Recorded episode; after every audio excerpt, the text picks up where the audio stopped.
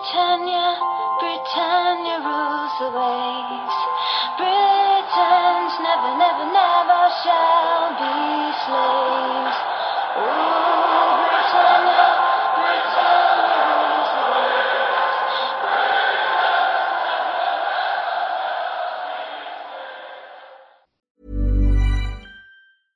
Mother's Day is around the corner. Find the perfect gift for the mom in your life with a stunning piece of jewelry from Blue Nile. From timeless pearls to dazzling gemstones, Blue Nile has something she'll adore. Need it fast? Most items can ship overnight. Plus, enjoy guaranteed free shipping and returns. Don't miss our special Mother's Day deals. Save big on the season's most beautiful trends. For a limited time, get up to 50% off by going to Blue Nile.com.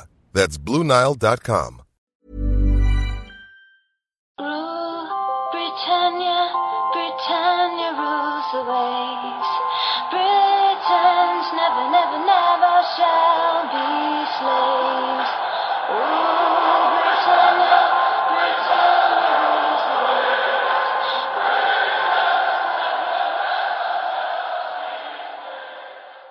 Hej och välkomna till Svenska FPL-podden avsnitt 3.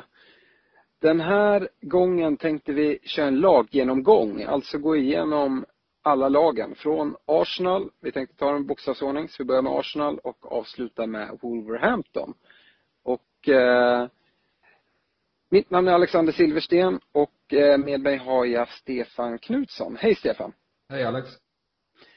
Eh, jag tänkte att det är väl lika bra att dra igång direkt och bara hoppa på första lag som är ditt kära Arsenal. Och eftersom att eh, det är ett lag som du supportar så tänker jag att du får jättegärna börja och sen så kör vi varannat lag framåt helt enkelt. Ja, men det låter strålande. Eh, Arsenal har ju som sagt ny tränare i år efter att Wenger har lämnat eh, sin långa stint här. Eh, det blev Unai Emery som tog över. Eh, tidigare i PSG, eh, två säsonger och där innan i, eh, eller innan det i Sevilla. Eh, sen har han även varit, eh, haft lite framgång i Valencia bland annat. Eh, om man ska prata om Emery så tycker väl jag att eh, liksom, han gjorde det helt okej i PSG. Eh, men i PSGs mått mätt så måste man ju även lyckas i Champions League. Eh, och där fick han ju inte riktigt ihop eh, jämnheten. Eh, de spelade fantastiska matcher men eh, lyckades eh, Eh, även liksom var rätt ojämna. Eh, som när de blev utslagna mot, eh, mot Barcelona till exempel. Men annars så missade han ju ligan första året mot Monaco. Men därefter så vann han allt man kunde vinna inhemskt då, men inte i Champions League. Han brukar spela någon typ av 4-3-3 system. Antingen med en defensiv på mitten eller två defensiva. Eh, så vi får väl se eh, lite hur, hur han kommer formera sig i Arsenal. Eh, men det är väl rätt troligt att det blir en fyrbackslinje i alla fall.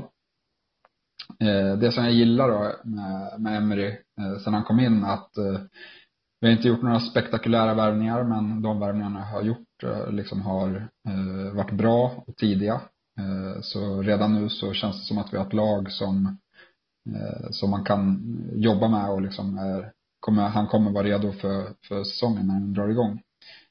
Eh, Och eh, ja men det, det var, är väl liksom fram, det jag ser fram emot. Sen med ny tränare så, så kommer en del osäkerheter med vilka spelare som kommer spela, så där får man ju se lite. Eh, Arsenal har två tuffa matcher från början så därför kanske man kan avvakta lite om man inte eh, vill chansa på någon från, direkt från början, någon spelare. Eh, men, men de spelarna som jag tycker kan vara intressanta då, eh, det är eh, Kolasinac för 5,0. Han kan vara väldigt intressant om han blir ordinarie. Här ska vi dock lägga in en brasklapp att troligtvis är Monreal första val. Men vi får se hur Emery tänker där.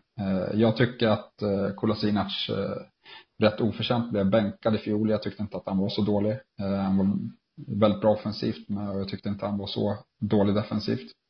Eh, han kostar bara 5,0. Eh, så blir han, blir han ordinarie så, så tycker jag att han är en spännande spelare.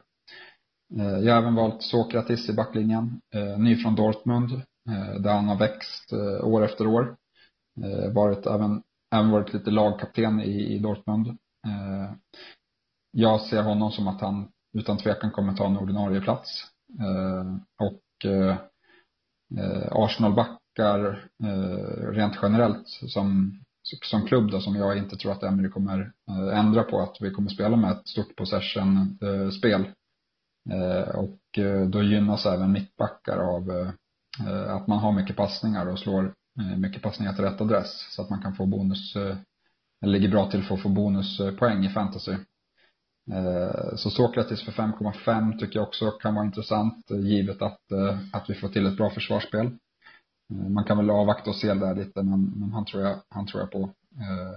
Om, om, det, om det är så att vi får en bra start. Vi har ju lätta matcher efter de här två första svåra matcherna också. Sen går vi vidare till mittfältet. Där tycker jag Mkhitaryan sticker ut. 7,0 endast. Eh, det tycker jag känns spontant för billigt. Han har ett eh, bra samarbete med Aubameyang på topp eh, sen Dortmund-tiden. Han gjorde endast nio starter för oss i fjol, men på de matcherna så gjorde han två mål och fyra ass. Det är en poängspelare. Jag tyckte att han utstrålar mer glöd än vad Özil gjorde i slutet av förra säsongen. Kämpade mer för att vinna boll och, och har även en liksom fin, fin vision precis som, eh, precis som Özil har. Eh, I övrigt på mittfältet så tycker jag Aaron Ramsey ser intressant ut. Eh, 7,5 miljon. Han är rätt skadebenägen tyvärr. Men när han väl spelar så brukar han ofta ta mycket poäng. I fjol så snittade han 5,4 poäng per match han spelade. Och är väldigt duktig på att ta offensiva löpningar liksom i andra våg. Eh, komma in i straffområdet och komma på avslut. Eh, men har även en bra eh, passningsfot och gör mycket assist. Men den som kanske kan bli mest intressant av det är Aubameyang på topp. Han var den spelaren som hade högst snittpoäng i Arsenal i fjol. Han är straffskytt, han är snabb och en bra avslutare. Jag tror att det är den spelaren i Arsenal som kommer ta flest poäng i fantasy i, år. Och Eh, Arsenal brukar även kunna vara rätt eh, hemmastarka vilket är eh, bra för kaptensval Eh, om man vill, om man vill eh, använda Aubameyang som, som kaptensmaterial då. Men, men det är de spelarna jag kollar på mest i Arsenals lag som jag tycker ser intressant ut. Spännande. Eh, jag kan säga redan nu att eh, det kommer variera beroende på vilket, vilket lag det är vi talar om. Så eh, vissa lag har vi inte lika mycket att säga om. Nu Arsenal till exempel är ett sånt lag som har en ny tränare som kanske kommer vara lite längre. Nu ska jag gå vidare med, med Bournemouth som står näst på listan. Och där kan jag säga att där kommer bli bra mycket kortare. Men, men det, jag, det jag har sett i, i Bournemouth och det i, hittat i deras försvar egentligen, det är ju Daniels som kostar 4,5 och som jag skulle vilja påstå är en utav de mest intressanta försvarsspelarna till det priset. Han eh, hade väl ingen kanonsäsong eh, förra året och det hade väl inte Bournemouth generellt men eh, han, han är ändå involverad i en del offensivt och han spelar ju i, eh, i en wingback-position om Bournemouth väljer att spela en fembackslinje och även om de eh, går tillbaka och spelar fyrbackslinje som de gjorde eh, tidigare så har han ändå varit rätt offensiv och, och möjlighet att skrapa ihop en del poäng. Så där, han tycker jag är intressant. I övrigt tycker jag laget känns ganska ointressant ur fantasy-synpunkt som det är just nu. Det är Stanislas som uh, spelar på mittfältet. Uh, kostar 6,0. Han tycker jag alltid är intressant uh, varje fantasy-säsong. Problemet med honom är att du pratade att Ramsey var skadeförföljd. Jag tycker Stanislas är väl om möjligt ännu mer skadeförföljd. Och jag tror han, om han inte står som osäker så tror jag till och med att han kan stå som att han kommer missa början av säsongen. Eh, så att det kanske inte är någon som man plockar in nu inför säsongen. Men eh, man får kolla lite om när han kommer tillbaka och om han verkar vara i form. Han brukar ta en hel del poäng och även eh, en del straffar och, och sådana så, saker. Sen kan det vara väldigt lätt att lockas att kolla mot deras forwards som, eh, ett, som en tredje anfallare, lite budgetalternativ. Där de har flera, de har Callum Wilson, de har eh, Defoe och eh, lite sådär. Problemet, eh, King är det också, norrmannen. Men eh, problemet är att jag tror att det kommer roteras väldigt mycket och Eh, Eh, jag personligen vill i alla fall ha en, en tredje forward som, som spelar. Alternativt då ta en som kostar 4,5 bara för att spara pengar. Men inte någon som kostar 6,0 som spelar liksom var tredje match. Så det är en liten varningsflagga eh, skulle jag vilja säga. I övrigt har inte jag så mycket att säga om, om Bournemouth utan jag tänker att vi går vidare. Ja, men det låter bra. Eh, det är väl som sagt eh, King kanske som kan vara intressant om eh, han hade ju lite tuff andra säsong efter sin succé för två år sedan. Men han skulle ju kunna hitta tillbaka till, till en bra form och då kanske vara intressant. Absolut. Ja, men då står Brighton näst på tur. Det är ju då nykomling från i fjol, eh, gjorde det bra. Eh, vi kan nämna att alla nykomlingar som kom upp eh, eh, föregående säsong klarade sig kvar. Eh, det är Chris Hewton som, som leder eh, laget. Eh, de är hårt arbetande. Eh, jag tycker att man kan dra vissa paralleller till, till Burnley här. att liksom som, som lag, de är svårslagna på, och framförallt på hemmaplan. Eh, de har gjort eh, en del eh, smarta värvningar som förstärker dem. Om man kollar rent fantasymässigt så, så tycker jag väl att Ryan i mål för 4,5 är en intressant målvakt. Han var den spelaren i Brightons försvarare som snittade flest poäng per match, vilket var 3,8 poäng. Och han ligger även ganska bra till för att få bonus när de håller nollan. Han rankar ganska bra i, i det systemet. Eh, I övrigt så eh, har de två mittbackar i Duffy och Dunk eh, som också är bra bonusspelare. Då Brighton backar hem mycket får, så får mittbackarna stå för mycket rensningar och, och dylikt. Men båda de två spelarna har, eller hade många chanser offensivt som de inte satt. Och eh, där finns det absolut eh, potential till förbättring. Eh, Brighton höll 10 nollor i fjol, vilket var jag tror att det var bland de bättre lagen utanför topp 6 på, eller topp 7 då. Burnley kom, kom ju sjua som var bättre.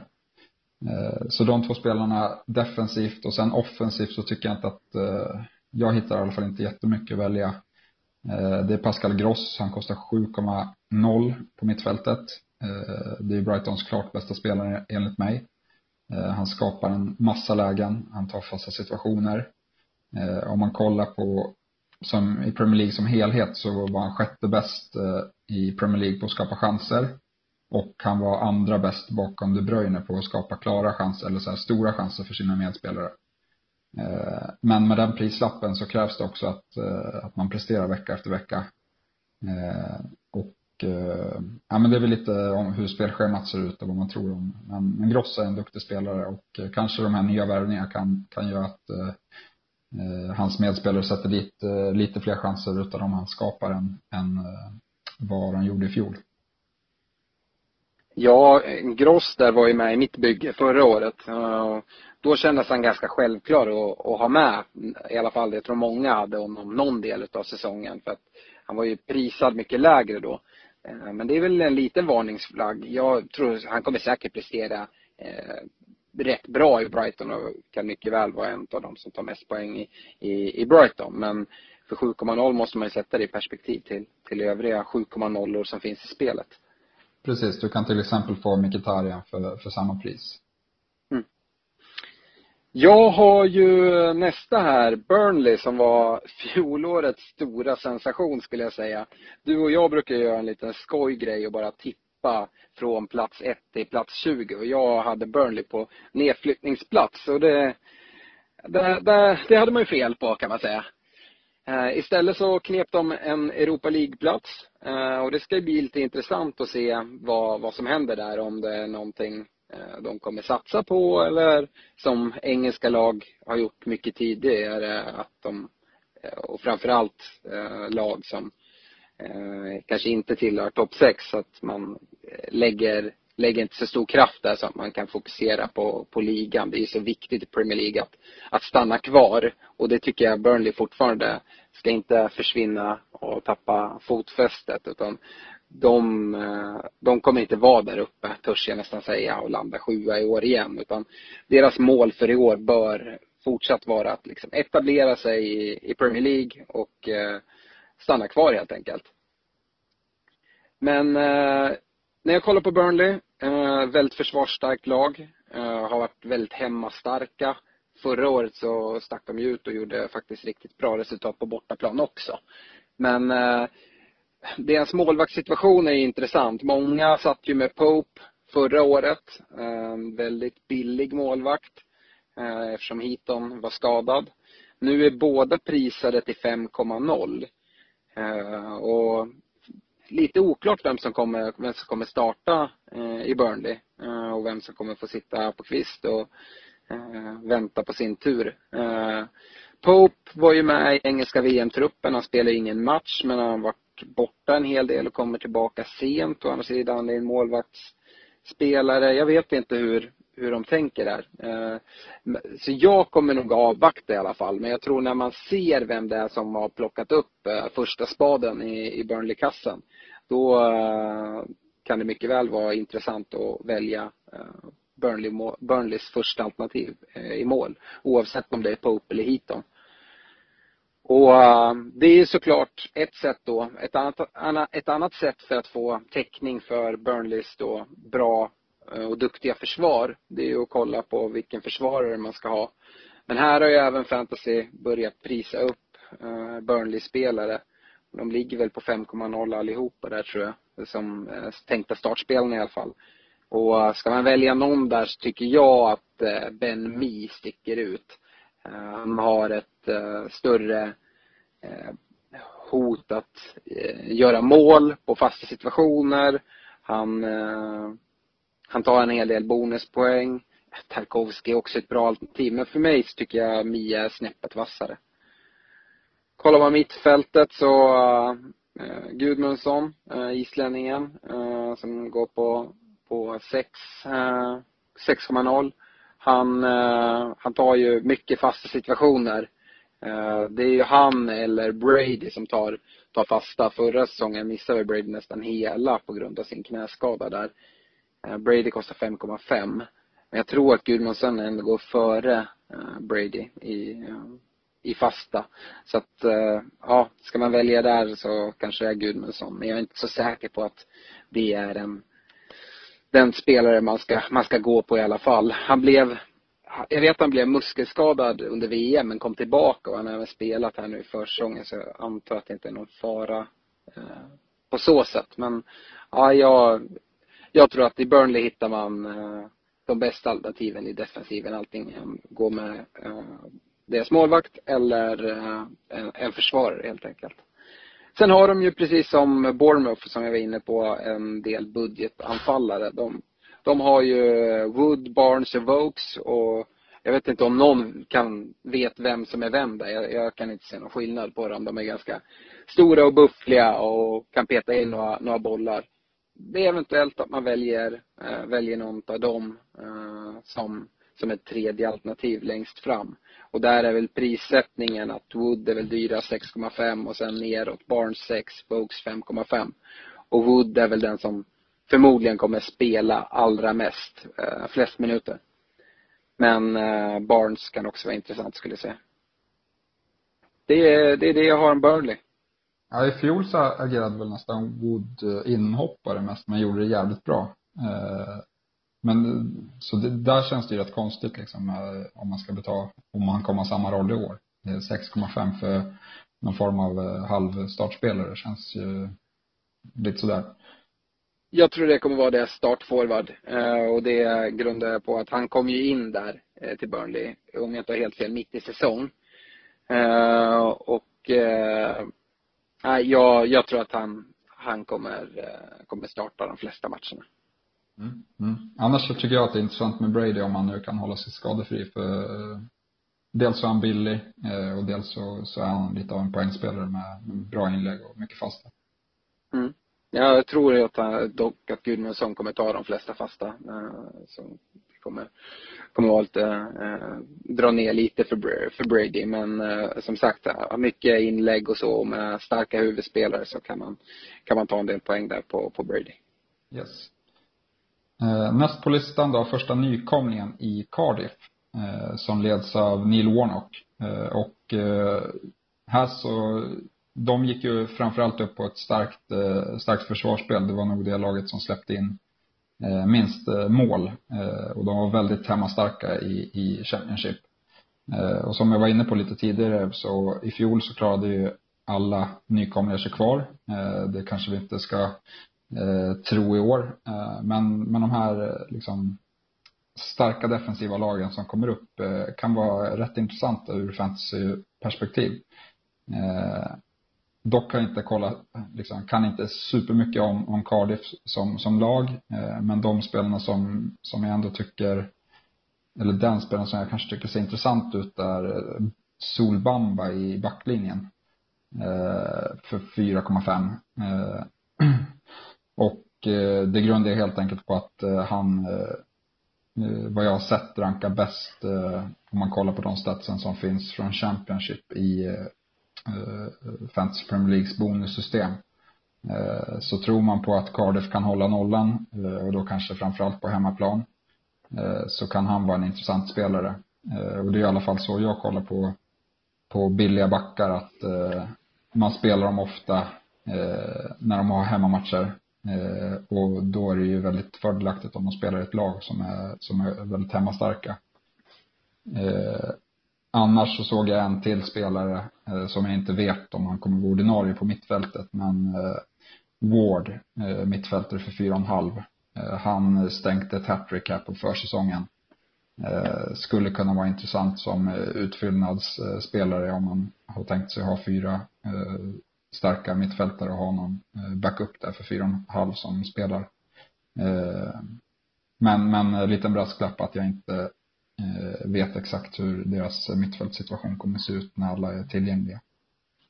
Nej. Yes. Eh, Chelsea då, nästa lag. Här är ju ett eh, lag med ny tränare, precis som Arsenal. Sarri har de plockat in från Napoli. Vilket gör Chelsea, enligt mig, till ett mer intressant lag ur fantasy-synpunkt än när Conte har varit där och även tidigare när Mourinho har varit där de, i de senare åren av Mourinho. Eh, då har de varit intressant defensivt. Nu tycker jag de är intressanta åt båda håll, både defensivt men kanske framförallt offensivt. För er som inte har järnkoll på, på Sarri så sett till till Napoli-tiden när han var i tre säsonger så spelade han större delen ett spelsystem som eh, innebär 4-3-3. Det vill säga att Chelsea då, om han väljer det spelsystemet, inte kommer spela med wingbacks som de har gjort nu i många säsonger. Han eh, spelar med en väldigt hög press och en offensiv possession-fotboll. Så tappar de boll så är det hög press direkt för att vinna boll så högt upp på motståndare, motståndarens planhalva som möjligt. I Napoli förra säsongen hade de en målskillnad som är rätt imponerande på 94 gjorda och 29 insläppta. Så att eh, trots att de är väldigt offensiva och gjorde väldigt många mål så släppte de in ganska lite mål. Eh, och sen så har han ju gjort sig känd för att rotera extremt lite. Frågan är om man tar med det till Chelsea som har en lite bredare trupp än vad, vad Napoli eh, har och hade. Eh, men eh, jag tror att han kommer försöka hitta sina, sina startspelare som han kommer spela ganska hårt. Och eh, Chelsea spelar ju ingen Champions League i år. De missar ju topp fyra. Så de kommer spela Europa League och där tror jag inte Sarri kommer matcha starkaste elva utan det kanske är där han väljer att rotera istället. Och sen kanske lite senare om de går långt i Europa League att de, att de satsar lite, likt Arsenal förra säsongen. Men för mig, det som, den stora frågan är, kommer, kommer han välja att spela 4-3-3 och överge deras wingback-system? Och vad, hur påverkar det hur vi ska tänka kopplat till vilka spelare som är intressanta? Alonso som är prissatt till 6,5 till exempel. Jätteintressant om de spelar med, med wingbacks. Eh, dels för att han tar fast situationer, det kommer han göra ändå. Eh, men framförallt för att han är inne i offensivt straffområde mer än vad han är i eget defensivt. Eh, väljer de att spela ett, en fyrbackslinje är inte jag ens säker på om Alonso är en tilltänkt startspelare eh, som vänsterback. Så att, ja, det blir intressant att följa försäsongen och se om de spelar fem eller fyrbackslinje. så att det kommer jag kolla på. Jag hissar en varningsflagga i alla fall för Alonso där man behöver vara lite påläst och inte bara välja om för hur det har sett ut tidigare säsonger. Då skulle jag snarare föredra Aspi, Aspi Kuleta, eh, som också kostar 6,5. Han, eh, han kommer vara given i Sarris lag, det törs jag nästan ta gift på. Och är ju en bonusmagnet eh, som kommer plocka en hel del bonuspoäng.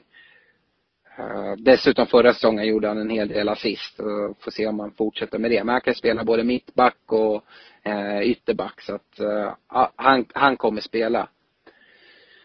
Och överger man, överger man wingback-delen då känns också någon som man ska kolla på det är ju Victor Moses. Vad får han för roll? Han kommer inte spela högerback i i en fyrbackslinje. Det kan jag inte tänka mig. Däremot så kanske han kommer få förtroende på någon av de tre offensiva rollerna, så alltså då förmodligen längst ut till höger. Det är inte omöjligt om Sarri fattar tycke för honom.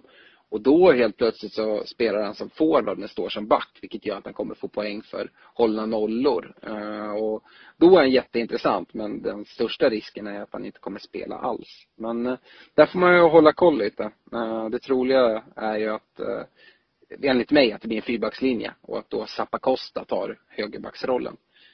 Alternativt Aspi som då kanske, om man inte väljer att spela honom som mittback.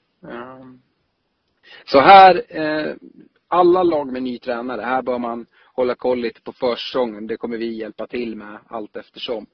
Eh, när försäsongsmatcherna drar igång. De har ju börjat lite smått för vissa lag. Kollar man då lite mer offensivt, nu har vi pratat backlinje eh, och där finns det som sagt intressanta namn i backlinjen. Men offensivt, Hazard hade ju lite av en mittensäsong förra säsongen kan man tycka. Samtidigt så blev det en del poäng till slut. Uh, han kostar ju 10,5 så är ju ändå en premium uh, mittfältare men han kommer med största sannolikhet starta uh, i en av de ja, längst ut till vänster i, där Insigne spelar i Napoli. och jag tror att Hazard kommer kunna göra en hel del poäng, om han nu blir kvar. Nu ska vi säga att vi spelar in det här avsnittet den 23 juli och just nu så, så spelar han i Chelsea men det är ju intensiva rykten om framförallt eh, Real Madrid. Så att uh, vi får se helt enkelt. Men uh, ja, Hazard är ju en poängspelare och ja, folk som har spelat fantasy länge vet ju att, vad, vad han går för. Kollar man på lite budgetalternativen och nu utgår jag då ifrån att de spelar ett 4-3-3 som i Napoli så kommer väl eh, Kanté och eh, det stora nyförvärvet Jorginho starta på mittfältet. Eh, och för de som inte har koll på Jorginho så han kommer ju också från Napoli, en spelare som Sarri väljer att plocka med sig. En eh, Italien-brasse som eh, är ganska djupt sittande men styr spelet, jättefina fötter. Jag tror att han och Eh, Kanté kommer skapa ett fantastiskt eh, mittfält för Chelsea. Däremot ingen kanon fantasyspelare. I Napoli förra året så spelade han 33 matcher i Serie A, gjorde två mål och fyra ass. Så han styr spelet lite mer längre bak i banan. Eh, däremot så ska de ju ha någon mittfältare framför där i eh, Hamsik-rollen i Napoli kan man säga. Eh, om de väljer att spela det spelsystemet. Och där där är det lite tunt med alternativ tycker jag. Eller det finns några alternativ men inga självklara storstjärnor. Så att här kanske man kan göra något budgetköp som kan prestera rätt bra om Sarri får det att funka i Chelsea. Man kan kolla på Loftus Cheek som var utlånad förra säsongen. Han kostar 5,5. eller Ross Barkley som kom från eh, som kom in till Chelsea som kostar 6,0. Eh, det är ju billiga spelare som har potential att kunna göra rätt bra ifrån sig. Eh, uh, Loftus-Cheek är ju en ung spelare som många tror väldigt mycket på.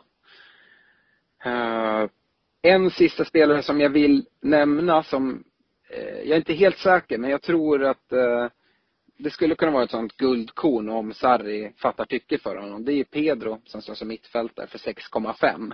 Så rätt billig spelare. Eh, som sagt är det väldigt mycket flyttrykten kring Hazard men även flyttrykten eh, om William. Och skulle en utav dem eller till och med båda välja att röra på sig Förmodligen kommer Chelsea ta in något men jag tror att Pedro mycket väl kan gå in i en startelva då och då, då är han väldigt intressant i någon eh, utav de offensiva rollerna. Sen så ska vi ju inte börja sia i vad som kommer hända med värvningen. Nu pratar vi Hazard, att han kanske lämnar, William kanske lämnar. Men jag skulle ändå vilja ta upp, om Gonzalo Higuain lämnar Juventus och kommer till Chelsea, som det har varit jätteintensiva rykten kring, eh, då kan det bli väldigt intressant. Han spelade ju i Napoli en säsong under Sarri. Eh, 2015, 2016. Då gjorde han 36 mål på 35 matcher i Serie A. Och eh, det är svårt att bortse från honom. Så Kommer han, då ska man hålla koll på hur prissättningen blir. Men jag skulle gissa att den landar någonstans på mellan 10 och 11 kanske. Eh, och då tycker jag han är ett jätteintressant alternativ. Han, Sarri känner honom och får Hazard vara kvar och placera fram lite bollar till Higuain så kan det bli, bli många baljor, tror jag. Ja, det var, det var en bra eh, utläggning om Chelsea. Jag kan bara flika in lite. Jag såg eh, nyss ett nyhetsuppdatering från deras första träningsmatch här. Eh, som de vann med 1-0. Eh, och det var Pedro faktiskt som gjorde målet. Eh, nu ska vi säga att alla inte är tillgängliga. Men det man kan ta med sig var att Ross Barkley spelade eh, och imponerade på mittfältet. Framförallt när han fick eh, den offensivaste rollen. Eh, I backlinjen så, så spelade Zappacosta högerback och Alonso vänsterback. Samtidigt som eh, David Luiz eh, spelade mittback och eh, var bra vad jag har förstått. Det vet, jag vet inte vad David Luiz kostar men vi vet ju att han, att han har varit bra fantasyspelare förut. Om, det är också en spelare som, som helt oväntat skulle kunna komma tillbaka och kanske knycka en, en startplats i Chelsea. Svårt att se att Luiz ska ta den platsen när alla spelare är tillbaka eh, dock. Men eh, absolut, man får, man får hålla ögon och öron öppna. Jag, eh, det kan ju vara så att det är någon favoritspelare för Sarri eh, som man inte känner till. Absolut. Eh, han är rätt aggressiv in i press och så tänker jag. Och, eh, vi får se hur, hur Sarri vill ha sina mittbackar. det var bara en liten reflektion. Ja. nästa lag på på listan är Crystal Palace, eh, lett av Roy Hodgson. Eh, jag tycker de är rätt underhållande att kolla på. Eh, och eh, de har ett bra startschema. Eh, de brukar ofta spela liksom, roliga matcher mot eh, topplagen, brukar kunna bli målrika historier, eh, eller att de eh, frustrerar eh, topplagen. sen kanske de är lite ojämna när det är i de här jämnare matcherna. men här har jag faktiskt valt hela deras Eh, Eh, backlinje som, eh, som jag vill ta upp eh, och diskutera. Eller som jag tror kan vara deras startbacklinje. Och vi börjar med den dyraste då, Van Anholt för 5,5. Han avslutade alltså förra säsongen med att göra fem mål och en ass på de sista tio matcherna. På grund av det här så tycker jag då att han är tokgiven i början av den här säsongen. Jag måste även flika in här att han har jag ett extra varmt hjärta för då han hjälpte mig att springa om dig i slutet på, på förra säsongen när jag plockade in honom, mot lite minuspoäng. Ja, det var ju helt sjukt för övrigt. Eh, men, men eh, man ska inte vara bitter i fantasy utan man ska lära sig. Eh, så, nej men fem mål och en ass på tio matcher från en back. Det låter ju som helt sjuka siffror. Det kommer han ju givetvis inte upprepa i år. Men, men gör han hälften två eller tre mål på tio, de tio första matcherna, då är det ju eh, rätt kul att ha honom i laget. Eh, sen, sen är det svårt med offensiva poäng i, i mindre bra lag för att eh, det är ju, ja, det är inte det man liksom förväntar sig när man spelar. Man, man hoppas ju på den här nollan ofta. Och allt annat är en bonus. Men, men 5,5 han kan vara intressant. Någon som jag tycker är väldigt intressant är ju Sakå eh, för 5,0. Eh, han spelade 18 matcher i fjol och tog 18 bonuspoäng. Eh, det säger väl egentligen allt. Han är ingen målfarlig så men, men de där bonuspoängen blir snabbt värdefulla också. Och prickar man då en nolla för, för Crystal Palace så, så kan man nästan räkna in två eller tre bonus på, på Sacco. Eh. Ja, och Sacco, inte målfarlig, absolut inte, men han är ju en väldigt bra huvudspelare. Så kan bli farlig på fast situationer. Det skulle inte förvåna mig om han, när vi summerar säsongen, att han ändå har skallat dit eh, ett par bollar. Ja, eventuellt. Vi får, vi får se vad som händer. Eh, Eh, han, eh, hans mittbackskollega i slutet av förra säsongen var, var Tomkins eh, som kostar 4,5. Ännu lite billigare alltså. Och Eh, han eh, har väl en historik av att hamna eh, på sjukstugan en del. Men kan vara en intressant billig back att starta säsongen med. Jag skulle då betala de 500 000 extra för att få Sakå här mot, mot Tonkins. Men det kanske är så att man precis inte har råd med Sakå och vill få in någon spelare väldigt mycket någon annanstans. Då tycker jag han kan vara intressant.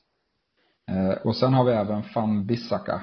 Eh, oklart uttal där. Eh, men, men han kostar 4,0 och har startat alla försäsongsmatcher som högerback hittills. Jag tror att det kan bli en av få ordinarie 4,0 backar från, från starten av säsongen här. På mittfältet så har jag plockat ut MacArthur för 5,0. Eh, billig mittfältare som alltid har ett par baljor i sig. Jag tror han har gjort minst eh, tre, han, jag tror han har gjort tre till fem mål eh, de senaste fyra, fem säsongerna. Eh, så han, han, gör, han gör alltid lite poäng. Samtidigt, man ska inte förvänta sig något stordåd. Men det kan vara en billig mittfältare att äga. Få frigöra pengar till, till andra spelare. Och sen på topp då så har de Wilfried Zaha. Eh, 7,0 kostar han. I fjol stod han som mittfältare. Eh, nu står han som forward. Eh, generellt så innebär den flytten lite mindre poäng man tappar poäng för nollan och för att man gör mål. Men man kanske har lite lättare att få bonuspoäng. De, då forwards får mer poäng i fantasy när de gör mål, även i bonussystemet. Han är väldigt sevärd, en dribbler. Gjorde det väldigt bra på, på forwardspositionen i fjol. Eh, får se där vem som kommer bli hans partner i anfallet men eh, han är kul att kolla på, en väldigt duktig spelare som, som känns som att han har mer i sig. Ja, Isa är jätteintressant och där rycks det ju en del också men eh, ja, vi får se om han blir kvar men det är en, det är en klassspelare.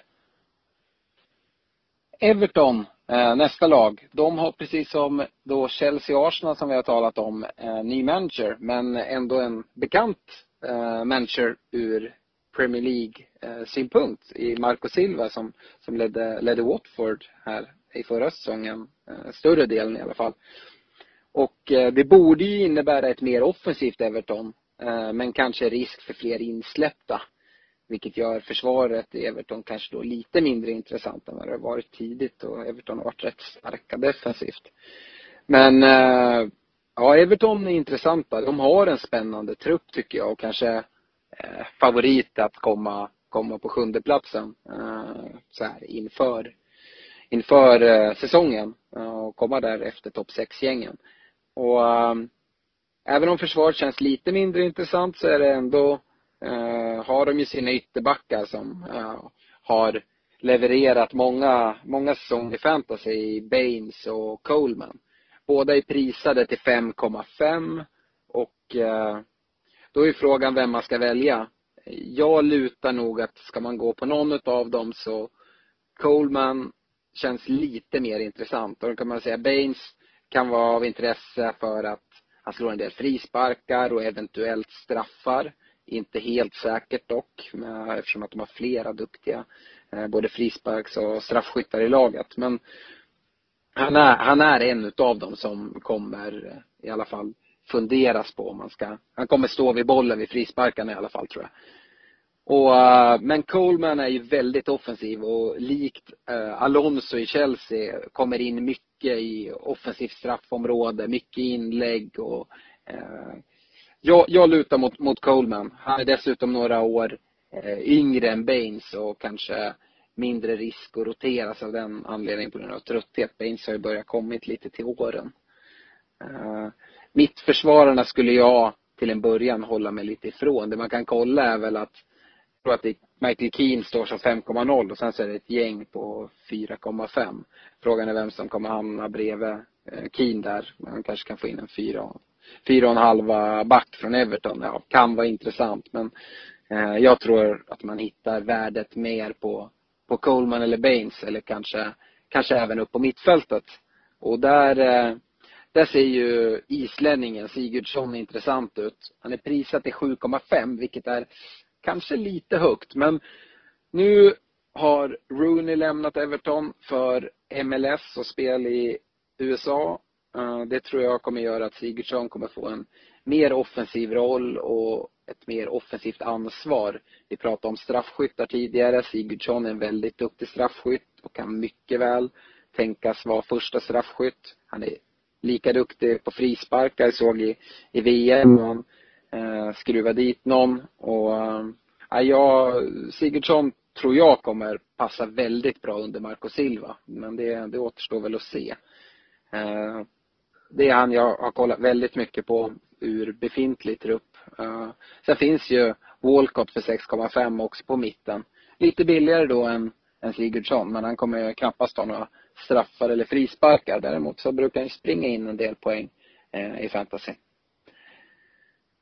Och innan vi går upp och kollar i deras anfall skulle jag vilja prata ännu mer rykten, men här är det väl mer än rykten. Jag tror att Richarlison är en läkarundersökning ifrån att eh, lämna Watford och komma till Everton, alltså följa med Marco Silva.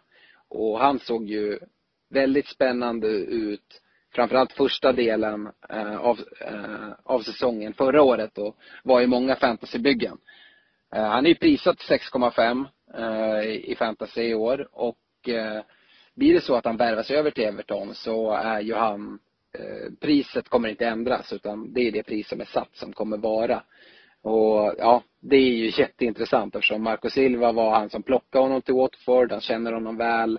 Han kommer få en stor, stor offensiv roll för 6,5 i ett lag som, som Everton som kommer spela offensivt och vara, vara med där uppe tror jag efter topp 6-klubbarna. Eh, absolut intressant. Och sen har vi den sista straffskytten som jag tror är intressant. Vi pratar Baines, vi pratar Sigurdsson och den, den tredje som vi blandas i det är Cenk Tosun, eh, turken som Everton plockade in förra året. Han kanske eventuellt kan vara en, en tredje anfallare eh, i, i ett fantasybygge. Han kostar 7,0 och eh, ja, det är ju en, det är en målskytt. Jag, jag personligen gillar honom. Eh, sen så om det är han som kommer spela, det vet man väl inte. De har väl Nias och Calvert Lewin också eh, i truppen och där får man väl se lite vem Marco Silva väljer att, att föredra att gå med framför allt. Mm. Eh, jag läste att Rikarlison hade gått igenom den där läkarundersökningen precis också. Eh, så ja, han okay. känns sjukt spännande. Ja. Då kommer vi då till nykomling nummer två i Fulham. Och här ska jag vara ärlig, Fulham är ett lag som jag inte riktigt får något grepp om. Eh, det känns bara som att eh, de, eh, de kom upp som tredje lag. De känns svagast enligt mig utav nykomlingarna. De leds av forna spelaren Jokanovic. Kollar man i fantasy så ser man att de har en väldigt tunn trupp. De måste värva in en hel del. Eh, och jag tror att de kanske riskerar att vara för sent på bollen nu med, i och med att det här eh, tidiga eh, transferfönstret som stänger vid, vid ligastarten. Men, men två spelare på mittfältet har, har jag hittat här i Kearney 5,0 Han är en passningssäker, passningssäker mittfältare. Var den spelaren i Championship som som hade bäst eh, passningsstatistik och slog flest eh, passningar. Eh, och här, här spekuleras det att deras spektakulära nyförvärv då i Serri kan göra att Kearney får en, får en offensivare roll på mittfältet. Serri är en uttalad box-to-box mittfältare och det, det var väl lite utav den rollen Kearney fick ha i, i Championship. Men här skulle han kanske mer kunna fokusera Eh, på sin offensiva kvalitet och sin, sin passningsfot eh, och få eh, en offensivare roll på mittfältet. Annars så är det Sesegnon för, för 6,5 på, på mittfältet. Han var då Fulhams skyttekung i fjol. Han gjorde 15 mål och 6 assist i Championship. Men där ska man då väga in att han spelade halva säsongen som vänsterback. I fantasy står han som mittfältare, eh, men han spelar väl mer eller mindre som, som ytterforward i Fulham. Eh, de värvade även in Matt Target från Southampton som som har spelat vänsterback. Eh, så, så det är högst troligt att Sassignon kommer att spela ytterforward i Premier League tror jag. Absolut. Och nu ska jag ju prata fantasyspelare och så här, men jag måste bara säga det serie som Fulham eh, knöp här till slut, det känns ju jättemärkligt att, att han valde Fulham. Eh, det, var, det spekulerades ju i alla egentligen topplag ute i Europa. Barcelona nämndes, eh, båda Manchesterklubbarna och så. Och så hamnade han i, i Fulham. Så det blir spännande. Kul att han kom till Premier League och man, man får se honom lite närmare. För jag har i alla fall inte följt honom speciellt mycket när han har spelat i Lyon och eh, Ligue 1. Ja, eh, Huddersfield, lag 10. Eh, här är ett lag som, eh, som jag inte tror jättemycket på. Eh, du nämnde det. Alla nykomlingar från förra året stannade kvar. Jag har väldigt svårt att se att alla nykomlingar från förra året kommer vara kvar även efter den här säsongen. Och Huddersfield är ett lag som jag tror kan hänga lite löst.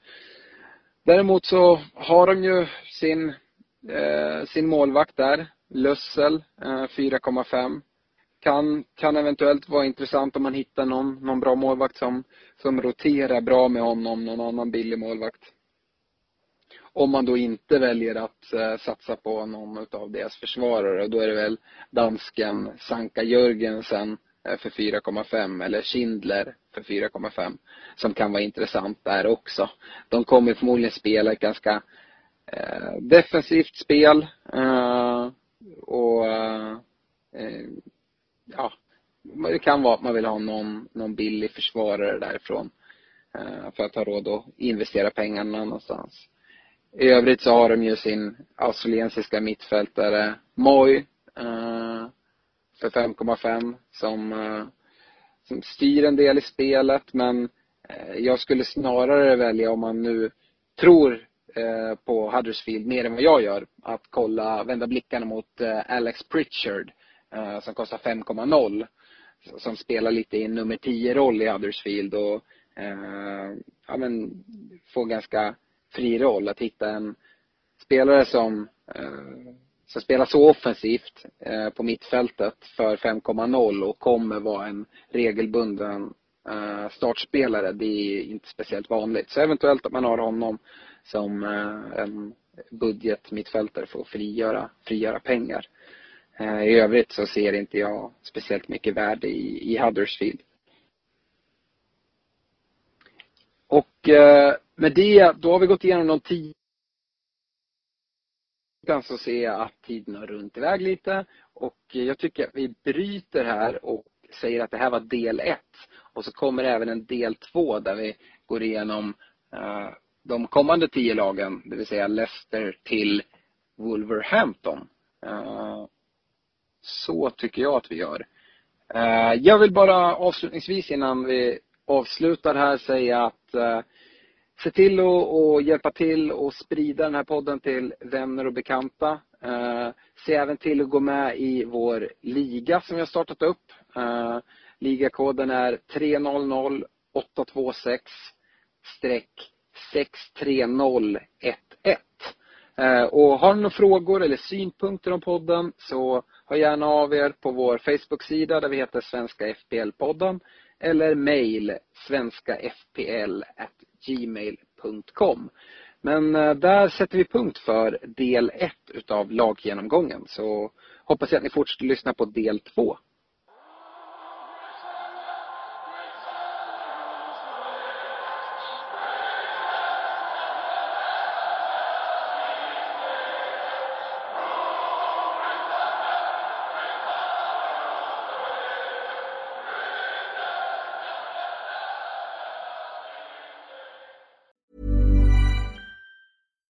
Deserves the best, and there's no better place to shop for Mother's Day than Whole Foods Market. They're your destination for unbeatable savings, from premium gifts to show-stopping flowers and irresistible desserts. Start by saving 33% with Prime on all body care and candles. Then get a 15-stem bunch of tulips for just $9.99 each with Prime. Round out Mom's menu with festive rosé, irresistible berry chantilly cake, and more special treats. Come celebrate Mother's Day at Whole Foods Market.